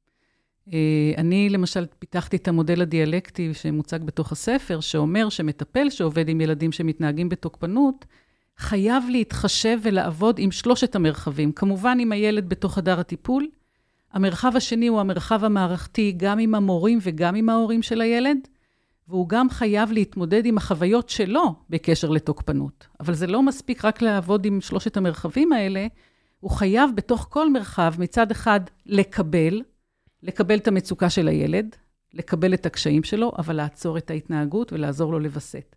לקבל את המצוקה של המערכת הקיימת, כן, המורים שנמצאים היום בבתי ספר, יש להם מצוקה מאוד מאוד גדולה להתמודד. לא, עם גם, המון המון בעיות, גם בוודאי. גם עם ילדים רגילים, אני נכון, עושה פה מירכאות, מירכאות נכון, מכופלות ומרובעות, שלא נכון. לדבר על uh, ילדים שהם אבנורמל והם יותר, יותר מאתגרים. נכון, אז, אז מצד אחד, לקבל את החוויות של המורים כן. וגם של ההורים, כן, ההורים רוצים לעזור לילדים שלהם ולא מסוגלים במקרים מסוימים של תוקפנות, אה, אז הם צריכים לקבל את זה, לקבל את החוויה, אבל גם לעזור להם להתמודד עם זה. והמטפל הוא חייב גם עם עצמו לעשות תהליך כזה של, כן, מטפלים צריכים לדעת אה, שהם אה, בדרך כלל, ומאוד מאוד מומלץ, יעברו טיפול, יכירו את עצמם, גם את החוויות התוקפניות שלהם או הקורבניות שלהם, ושהם יהיו להם כלים להתמודד גם עם החוויה, כי יש השלכה מאוד משמעותית של חוויית כן. המטפל כן. על ה... להתחיל באמפתיה. אני אומר, נכון. אני רק רואה, את יודעת, שעכשיו סייעות או משהו כזה שבתו, וכל ההורים אה, עושים, מה אתם שובתות, וכאלה, אני אומר, מה, זה לא ייאמן הניתוק בין כמה קשה לאנשים עם שני ילדים, נקודה משהו בבית, ורק רוצים שכמה שעות לא יהיו פה, להבנה שיש נשים, כי זה בעיקר נשים, שמתמודדות עם 30-40 ילדים כאלה, mm-hmm. תשע שעות, נכון. אסור להם לגעת בטלפון, mm-hmm. לעשות את הדברים, בדיוק קראתי את זה פה, שמישהי מנהלת מעון, אומרת, כל הסידורים הטריוויאליים שלכם, mm-hmm. להן אין את זה. הם תחת לחץ עצום, ההורים צועקים עליהם, רודים בהם, מתייחסים נכון. אליהם רע, הילדים זה ילדים, זה נורא מאתגר, ואחד, שתיים זה מאתגר, שלושה מאתגר, אז שלושים זה... נכון. ואני מסתכל מהצד, אני אומר, בא לי לחבק אותם, להביא להם מדליה, את מדברת איתי על... אבל הגעת, הגעת... והיא מקבלת על זה כלום כסף, נכון. באמת, וכלום הערכה וכלום כבוד. זאת אומרת, בקוריאה זה לא רק הכסף, גם מאוד מעריכים. לא שאני חושב שהמודל הקוריאני מושלם, בטח שלא, אבל לפחות מעריכים את אנשי ההוראה. זאת אומרת, גם לא מעריכים, גם לא מתגמלים וגם uh, uh, זורקים אותם לכלבים. נכון, אבל הגעת כאן למושג מפתח, שהוא אמפתיה. האמפתיה היא בעצם הבלם לתוקפנות. אם אנחנו נפתח בתוכנו אה, עמדות אמפתיות, לפעמים אפילו בצורה מלאכותית, ואנחנו נלמד את הילדים להיות יותר אמפתיים, וגם את ההורים ואת החברה, אנחנו נפחית את רמת התוקפנות. אז חלק מהעבודה על ויסות התוקפנות היא בעצם לגלות גם אמפתיה. זה מאוד מאוד משמעותי, וילדים שמתבוננים על אמפתיה, הם לומדים אמפתיה. כשהם מתבוננים על תוקפנות, הם לומדים תוקפנות. אה, יש גם, אני ככה אכניס בסוגריים, שיש גם מקומות, למשל במקומות שאני הייתי, שעשינו פשוט השתלמות בהתנדבות לסייעות כדי לעזור להם להרחיב את הידע ולקבל כלים ככה להתמודד. כן, זה חלק הרי יצירה ואומנות. אני לא יודע לגבי בתי ספר, mm-hmm. שאני יודע שזה לא, אבל בגן, זה, זה חלק נורא נכון. משמעותי, העניין הזה של קחו שבו, תציירו משהו. נכון, נכון. זאת אומרת, זה, זה כל כך חלק מהותי מהיום-יום. נכון. אה, בוא נעשה עוד קצת שאלות. איתמר אה, תכלת שואל, איך מתמודדים עם האיזוטריות שבתחום ונשארים מחוברים לקרקע? רקע, באנתרופוסופיה, יש עיסוק כמעט כפייתי בצבעי יסוד. אני מקריא את זה כלשונו, כי אני לא מבין כל כך את השאלה אפילו, אני מניח שאת מבינה. אוקיי, okay, אני חושבת שהוא, מה שהוא מנסה לומר זה האם העיסוק באומנות הוא נשאר יותר ברמה הרוחנית, האקדמית, הגבוהה, או האם בעצם אנחנו עושים שימוש באומנות אה, ממש הלכה למעשה בתוך הטיפול. מה זה אומר באנתרופוסופיה? יש עיסוק כמעט כפייתי בצבעי יסוד. אני אפילו לא מבין מה אני, זה אומר המשפט הזה. אה, אה, אני לא, לא מצויה בהכשרה. יש איזושהי הכשרה באנתרופוסופיה שיש איזשהו שימוש באומנות בצורה מאוד מאוד מיוחדת. אני לא... אנתרופוסופיה? אנתרופוסופיה. זה סוג, סוג מסוים של חינוך, אני לא מכיר כן, בכלל. כן, יש חינוך אנתרופוסופי שבארץ הוא מתקיים בכמה מוסדות. ש, שזה? אין לי, אין לי לא מושג, אני לא, אוקיי, לא אז, רוצה אז, להיכנס. אז לא, אז לא ניכנס, כי לא אני ולא את יודעים מה מדובר, נכון, אז כן, נכון. בסדר. אוקיי, אז בואי נמשיך לשאלות אחרות. אבל אה, קודם הייתה שאלה שלא ענינו עליה, על הנושא של אה, טיפול בתוקפנות כשהיא קטנה. אה, מילולית קטנה ולא כן, אלימות, כן. כן, אז זה חשוב, כן. אז אני מציעה אה, להתייחס לזה כמו הנסיך הקטן שהתייחס לעצי הבאובב. שאם יש מצוקה שהיא בהתחלה יוצאת בצורה מילולית קטנה, בואו נקשיב לה, בואו נשים לב לזה. מה מנסה להגיד הילד, כן? איזה מצוקה הוא רוצה לבטא כשהוא עכשיו מתנהג בצורה תוקפנית קטנה. אם אנחנו ניתן מקום לדברים הקטנים האלה ונעזור לו להבין את עצמו ולהתמודד עם האתגרים האלה שהוא מביא, אה, האומנו, האלימות לא תגדל. זה מאוד משמעותי שהוא ירגיש שיש לו מקום שמבינים אותו ועוזרים לו להתמודד. איזה סביבה מינימלית צריכה להיות כדי לאפשר לטיפול לעבוד? חנן אלפא שואל. אה, צריך אה, כמובן חדר ראוי, אה, עם חומרי אומנות, עם רוחב יריעה, גם מבחינה של משחקים נוספים בתוך החדר, כן? אנחנו מטפלים באומנות, לא עובדים אך ורק באומנות. יש לפעמים ארגז חול עם מיניאטורות, כל מיני משחקים שונים, משחקי קופסה. החדר צריך להיות עשיר בחומרים שהמטפל מרגיש נוח איתם ושהוא יכול להציע אותם למטופלים. אה, כמובן, גם הקשר, גם עם הילדים, אבל בוודאי גם עם המבוגרים. זה גם מאוד עוזר לילד שהוא רוצה להגיע, כי יש לו מגוון, כי הוא גם נכון. סוף טיפול אומרים לו, הנה בוא תראה, פעם הבאה נשחק בדבר הזה, או ניצור נכון. עם הדבר הזה, ואז הוא מחכה לזה. ו... נכון, עכשיו יש תהליך מאוד מיוחד בטיפול באומנות, שלפעמים יש ילדים שלא מעוניינים ליצור מכל מיני סיבות. אז בעצם באמצעות הקשר שנוצר, לפעמים, נגיד באמצעות משחקים שונים שהילד אוהב, אני יוצרת איתו את הקשר, מתקרבת, ואז מקרבת אותו לאומנות. יש ילדים, למשל, שמגיעים לטיפול בגלל האומנות, כי קשה להם ליצור קשר. אז אני אתן להם מרחב יצירתי עשיר, ודרך זה אני אתקרב ובעצם אצור את הקשר. אילו צעדים משלימים צריך לעשות כדי שהטיפול יעבוד בזמן שהילד ממשיך ללכת לאותה מסגרת? אז צריכה להיות uh, התערבות גם בתוך המסגרת, אם יש שם מצוקה, ואם כמובן ההורים מסכימים. עכשיו, אני חייבת להגיד שיש הרבה מאוד מטפלים שעובדים בתוך מסגרת החינוך, ושם יש פלוס מאוד מאוד גדול. מצד אחד, יש כאן איזו מגבלה, כי איך עושים טיפול בתוך מערכת חינוכית, יש פה, כתבו על זה, גם אני כתבתי, אבל כתבו על זה הרבה אחרים. אה, ומצד שני, יש כאן הזדמנות, כי המטפל חווה אה, את החוויות של הילד בתוך המסגרת. וזה מגביר בעצם את הקשר בין המטפל לבין המערכת, ומאפשר יותר שיתופי פעולה. יש גם אה, פרויקטים מיוחדים שנקראים, בחינוך המיוחד, נקראים הכיתה כקבוצה. יש שם מטפלת יחד עם אה, מחנכת, שבעצם בונות קבוצה אה, באמצעות אומנויות אה, בכיתות קטנות. אז יש כאן איזושהי עבודה שמנסה לחבר בין הטיפול לבין החינוך והיצירה. כן, חבל שאי אפשר לאמן את כולם, לא יודע, קראתי שבסוף שבוע, שבוע שעבר, הלך לעולמו מנהל של תיכון כצנלסון בכפר סבא, וכזה כתבו מלא ילדים, שהיום הם כבר בני 50 פלוס או 40 פלוס, על איך הוא תפס אותם בדיוק ברגע מפתח בחייהם, ומאוד עזר להם, וזה היה יפה לראות. וואו. ואני משווה את זה, צר שאני לא זוכר את שמו, אה, כן. אבל נשמע שהוא היה אדם מעולה. ופשוט הסביבה, נגיד, אם יש בגן או בבית ספר ילד אלים, חבל שאי אפשר להעביר את כל שאר הכיתה, כי זה גם יעזור להם לגלות אמפתיה לאנשים, mm-hmm. וגם יעזור לילד או הילדה האלימים. זה... נכון. אבל אי אפשר, כי אנחנו בקושי מצליחים לעזור לילדים שצריכים את העזרה, אז בטח שלא כן. להעביר הכשרות ל- לכל שאר הילדים. כן, כן. אבל, אה, אבל ככה זה. זה, זה, זה אם, אם יש אידאה, אז האידאה זה אבל לכולם. אבל יש גם, יש גם uh, תחום מפותח בטיפול באומנות, שהוא טיפול קבוצתי באמצעות אומנות. ואז יש אפשרות לעבוד על אינטראקציות או על נושאים משותפים. איתי גולד היקר שואל, האם יש נקודה שבה מרימים ידיים? אה, אני באופן אישי לא הרמתי ידיים בכל 30 אה, ומשהו שנים, שנים שאני מטפלת. אנחנו מרימים ידיים במקרים מאוד מאוד, אה, מאוד מאוד קיצוניים, ואנחנו ננסה לקחת כמה שיותר עזרה במקום שאנחנו רואים קושי מאוד גדול. בואי נעשה עוד קצת שאלות. האם יש טוליפ, שואל, האם יש אפליקציות בעברית שמסייעות לילדים להתמודד עם התקפי זעם? אני לא מכירה, אני מצטערת שאני לא כל כך טכנולוגית, אולי יש, אבל אני לא מכירה. אמ, כן, זה פתרון הקסם היום. טוב, זה העולם שלכם, אולי אתם תפתחו משהו. אמ, לא יודע, מה דעתי בסוף על... אה, על ויסות זעם באמצעות אפליקציה. על עוד מכשיר, על עוד מסך. בסוף החיים הם לא רק במסכים, צריך גם לדעת להתמודד גם בלי מסך מול העיניים, אבל קטונתי. כן. זאת אומרת, אני לא מומחה לחינוך או לאלימות או לאפליקציות לילדים, אז אני לא, לא אגיד. אני יודע שאני מאוד אוהב שיש אפליקציות לימודיות, זאת אומרת, נמצאת ב TinyTap ו Matific למתמטיקה וכל מיני כאלה, Matific של, גם של חברים, גיא ורדי הנהדר וחבריו, גיא ורדי כבר לא שם, אבל כל השאר.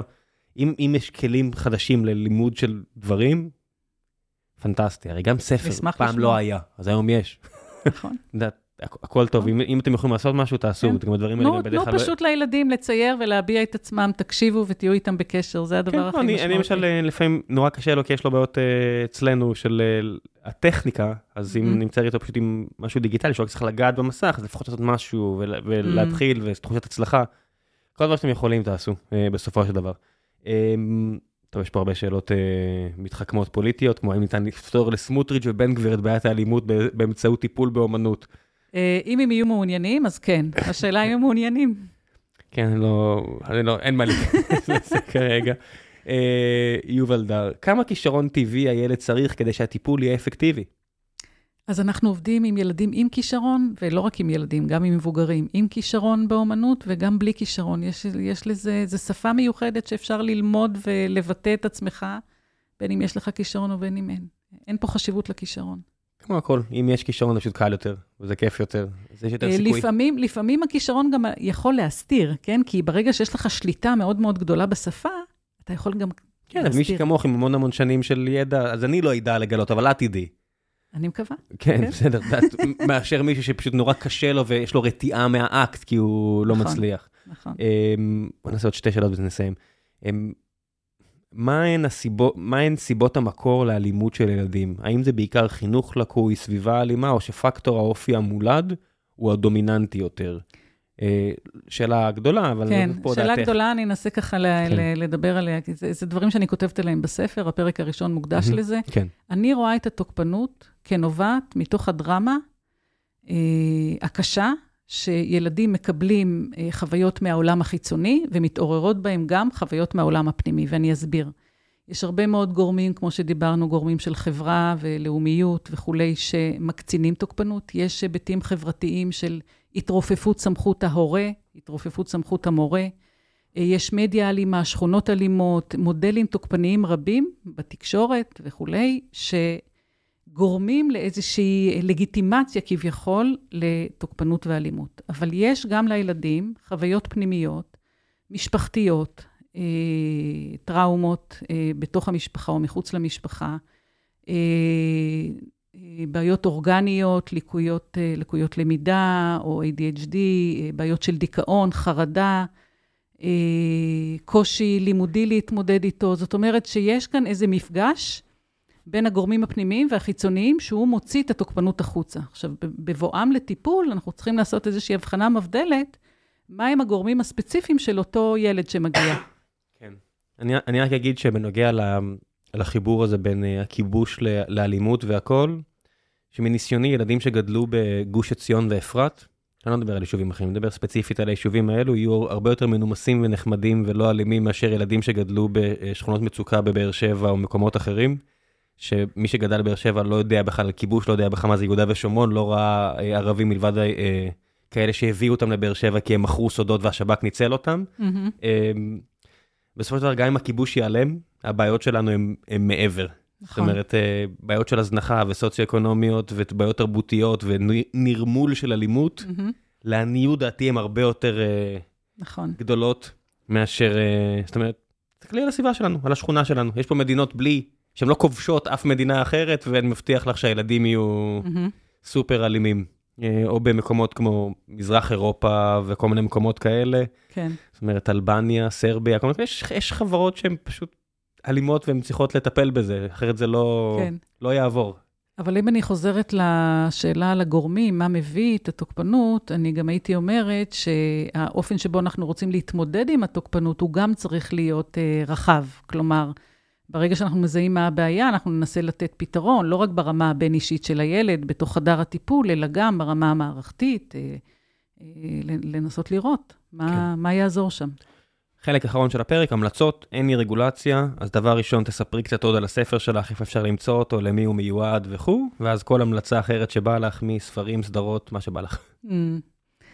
אה, טיפול באמנות אה, עם ילדים שמתנהגים בתוקפנות הוא בעצם אה, ספר שקיבל פרס באמצעות מכון מופת, אז אפשר להשיג אותו דרך האתר של מכון מופת, אפשר לקבל אותו לדואר ואפשר גם לקבל אותו כספר דיגיטלי. אני מאוד ממליצה. מה עוד? מה שבא לך. אה, המלצות? מה שבא לך. אה, משהו שקראת, ראית לאחרונה ואת רוצה להמליץ עליו, אין פה רגולציה. אה, אני אמליץ על הסרט הכל בראש, מי שעדיין לא מכיר אותו, כדאי שיכיר. פנטסטי. פנטסטי. הייתה פה מישהי שהייתה, שחלק מהעבודה שלה כניורולוגית, כדוקטור, פרופסור לניורולוגיה, השתרבב לסרט והיא סיפרה על ההרגשה שהיא ראתה את זה הפעם הראשונה וכמה זה מדויק וכמה זה ריגש אותה. סרט פנטסטי. מהמם. מעטים הסרטים שמצאתי את עצמי בוכה באולם קולנוע, זה אחד מהם פנטסטי. כן. באמת אה, סרט אה, מושלם. כן. אפילו ראינו אותו עם הילד שהוא נורא קטן עדיין יחסית, חמש, כמעט חמש, וגם הוא נהנה. זה תמיד... כן, אה, אפשר זה- לראות אותו שוב ושוב, אני חושבת שהוא מופיע בנטפליקס. או- זה משנה, איפה כן. שזה לא יהיה, כן. תמצאו את זה, תצפו כן. בזה, זה באמת אה, כן. יצירת מופת. אם אני יכולה להמליץ, אז להבין שבעצם קשר עם אנשים וקשר עם ילדים הוא הדבר הכי חשוב שיש לנו, המשאב שאנחנו תמיד יכולים לפתח אותו, ושימוש ביצירה, שימוש ביצירה, פשוט ליצור. באומנות, בדרמה, בסיפור, בתנועה, ב... בלגו, באמת, יש אנשים נכון. שצריכים פשוט לבנות דברים. נכון, באמת, ת- נכון ת- תנסו את הדברים האלו. כל מה שיכול כן. לתת טוב כדי ליצור. ליצור איזה מין מרחב ביניים כזה, שהוא בין החוויה הפנימית לבין החוויה החיצונית. כן, יש דברים שהם גם נורא זולים. בסופו בסופו של דבר זה רק ההחלטה. הדבר הכי קשה, כן. לרוב המוחלט של אנשים, כי בגלל שהחומרי גלם הם לא כאלה יקרים, מהמם. זה פשוט הקושי של... המוטיבציה. הקושי. מוטיבציה יש, זה כן. פשוט נורא נורא קשה. כי ילדים זה לא קל, ומערכות יחסים זה לא קל. זה פשוט קשה. נכון. פשוט לדעת, גם כמבוגר, להילחם על משהו ש... שהוא קשה. נכון. אבל צריך לזכור שילדים זקוקים לאהבה, הערכה, התפעלות, בטח. וגם לגבולות ובהירות של העולם. כן, אם, אם תנסי להכריח ולצעוק והכל, אז זה יתפוצץ בפנים מהר מאוד, ו- וכל, הס- וכל הסיטואציה נגמרה. בגלל זה זה קשה. אין נכון. קיצורי דרך, את לא יכולה פשוט אה, להכריח מישהו נכון. לשתף איתך פעולה. נכון, וגם ילדים אה, משקפים לנו הרבה פעמים אה, חלקים מתוך עצמנו, שאנחנו לפעמים רוצים לראות ולפעמים לא רוצים לראות. מה לעשות שגנטית אנחנו קשורים, אז nature קיים, ומה לעשות שאנחנו מכירים אותם ומכירים אותם בגיל אפס, אז nurture גם זה נכון. חלק מהסיפור הזה, כן. נכון, ואנחנו גם משפיעים עליהם ב- באופן ההתמודדות מן שלנו הסתם, איתם. nature ו nurture, אין פה, נכון. בכל הדברים זה אנחנו, אין, אין מה לעשות, הסביבה אפשר להגיד מה שרוצים, בסוף זה הרוב אנחנו. נכון, אה, מלבד מקרים קיצוניים והכל, זה מה יש. אבל זו חוויה גדולה. כן, אין, אין משהו יותר טוב מזה בחיים. דוקטור, תודה רבה רבה רבה על הזמן, מעריך מאוד. תודה, תודה ביי רבה ביי. לך.